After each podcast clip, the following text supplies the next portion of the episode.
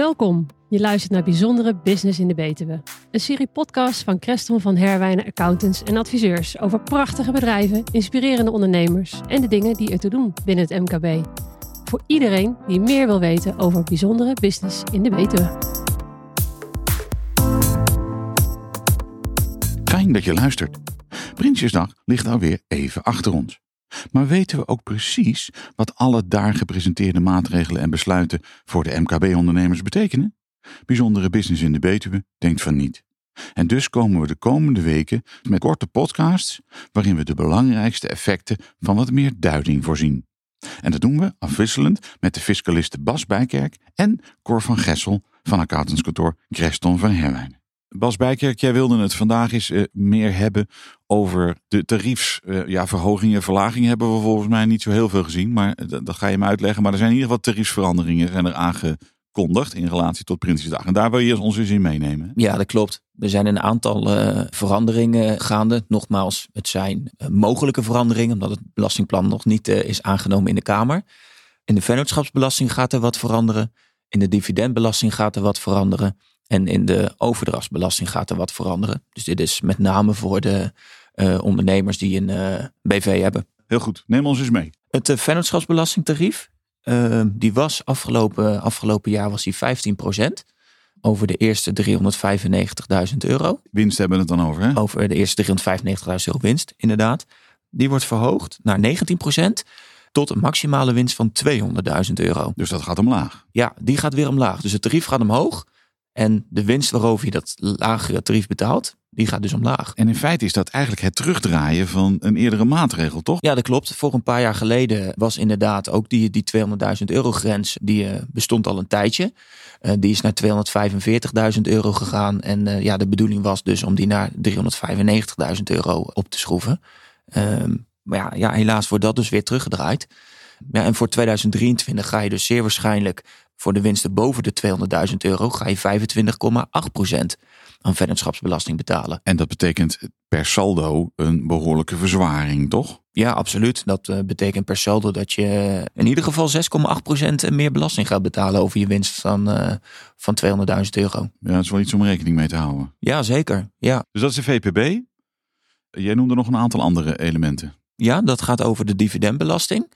Dus op het moment dat je uh, vanuit de BV aan jezelf, dus als directeur groot aandeelhouder, een uitkering doet, is dat een dividenduitkering. Um, die was belast met uh, 26,9 procent. Um, of je nou 10.000 euro dividend uitkeerde of zeg maar even uh, 1 miljoen euro aan dividend, maakt er niet uit. Je betaalde standaard 26,9 procent. Um, daar gaat de wetgever een knip in maken. Over de eerste 67.000 euro zou je 24,5% belasting of dividendbelasting gaan betalen. Aanmerkelijke belangheffing, sorry. Daar ga je dus eigenlijk 2,4% minder belasting betalen. Dat is een voordeel. Maar voor de mensen die meer dan 67.000 euro aan, aan dividend uit willen keren, die gaan naar een aanmerkelijk uh, belangheffing van 31%. Doe maar. Dat is een verhoging van, uh, als ik even heel snel reken, uh, 4,1% volgens mij. Dus dat gaat best wel hard. Ja. Um, de bedoeling van de wetgever is daarmee uh, om eigenlijk jaarlijks dividend te gaan uitkeren. Dat mag je dan tegen een lager uh, tarief doen, tot 67.000 euro.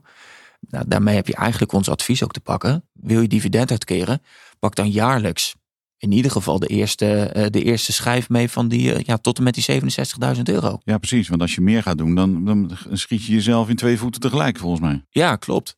Deze wetgeving gaat in per 2024, is nog wel belangrijk om te melden. Dus wil je nu nog een groter bedrag aan dividend uitkeren, althans meer dan 67.000 euro, kan je dat het beste in 2022 of in 2023 doen. Ik kan me best voorstellen dat er een aantal DGA's zijn die bijvoorbeeld geld van de BV geleend hebben of die een rekening courant hebben. Ja. Die nou, misschien wel wat hoog is opgelopen.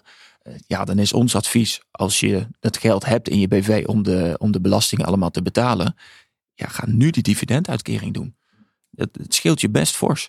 En bovendien, ten aanzien van die rekening-verantverhouding, daar veranderen de zaken ook een beetje. Hè? Klopt. Als je tot 700.000 euro van je eigen BV hebt geleend, eigen woning is daarvan uitgesloten. Maar echt een rekening courant of als je bijvoorbeeld een uh, aantal beleggingen in je privé hebt gedaan, gefinancierd met geld vanuit de BV. dat mag straks tot 700.000 euro uh, inderdaad. En daarboven krijg je dan een automatische uh, aanmerkelijke belangheffing. Precies. Met andere woorden, het advies is aan ondernemers. Kijk daar eens even naar. Want het kan je heel veel geld schelen door inderdaad jaarlijks een kleinere dividenduitkering eh, te doen. Uh, maar mocht je daarover twijfelen, dan moeten ze je even bellen. Dat is inderdaad het, uh, het handigste. Want dan kunnen wij, kunnen wij jullie gewoon meenemen. En echt een, een advies op maat maken. Wat in de situatie voor de cliënt het beste is. Want dit is echt heel, heel persoonlijk. Hier kan je niet één, één beleid opzetten. Nee, precies. Het hangt heel erg van individuele personen af. En wat ze hebben gedaan in hun BV. desalniettemin je kunt hier kosten voorkomen. Dat is, dat is een ding wat zeker is. Ja, zeker. Je kan dus of een aantal procenten belasting besparen als je een kleine dividenduitkering doet. En ja, en op het moment dat je nu een grotere dividenduitkering doet, ja, dan, dan bespaar je ook ruim 4%. Dat zijn best forse bedragen. Ja, op, op 100.000 euro scheelt dat gewoon 4.000 euro. Ja, dat is echt fors. Serieus geld, hè? Serieus geld. Um, er was er ook op de overdrachtsbelasting. Zijn er nog dingen veranderd? Ja, dat klopt. Uh, het percentage, uh, het hoogste percentage in de overdrachtsbelasting, die gaat veranderen zou eerst eventjes meenemen in uh, dat, dat niet iedereen die een, die een eigen woning heeft ook gelijk gaat schrikken. Um, als je als starter een eigen woning koopt, dan betaal je 0% overdrachtsbelasting.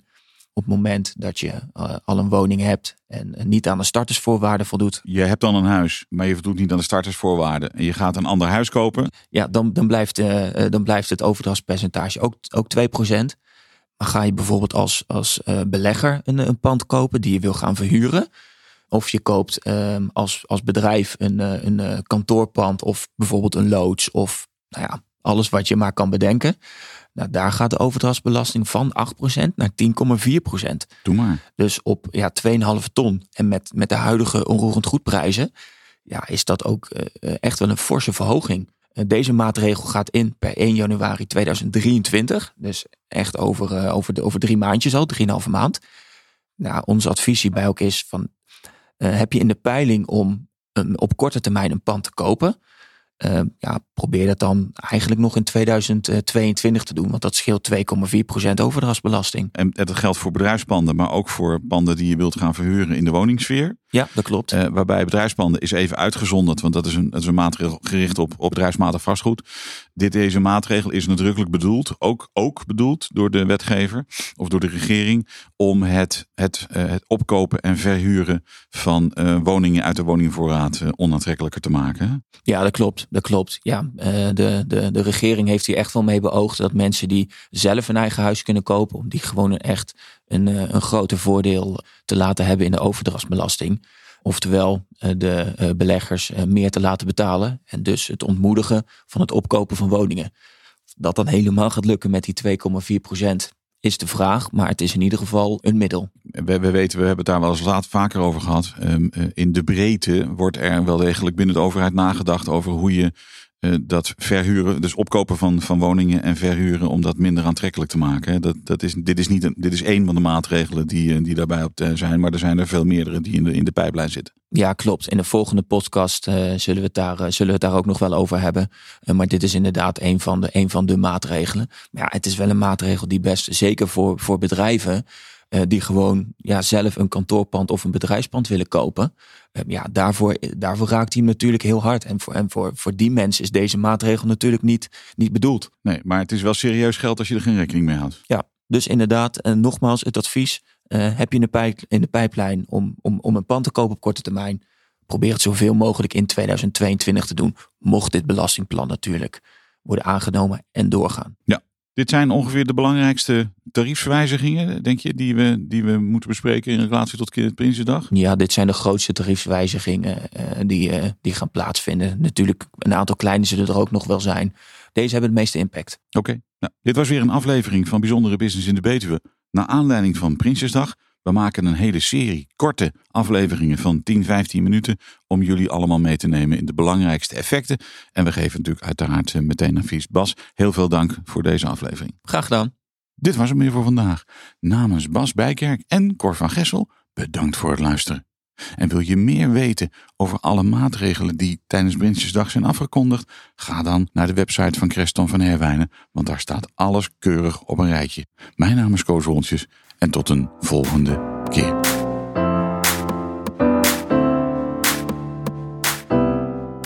Dit was weer Bijzondere Business in de Betuwe, de podcast van Creston van Herwijnen Adviseurs en Accountants. Wil je de hele serie beluisteren? Kijk op de website van Creston van Herwijnen of beluister ons via Spotify, Apple Podcast of Google Podcast.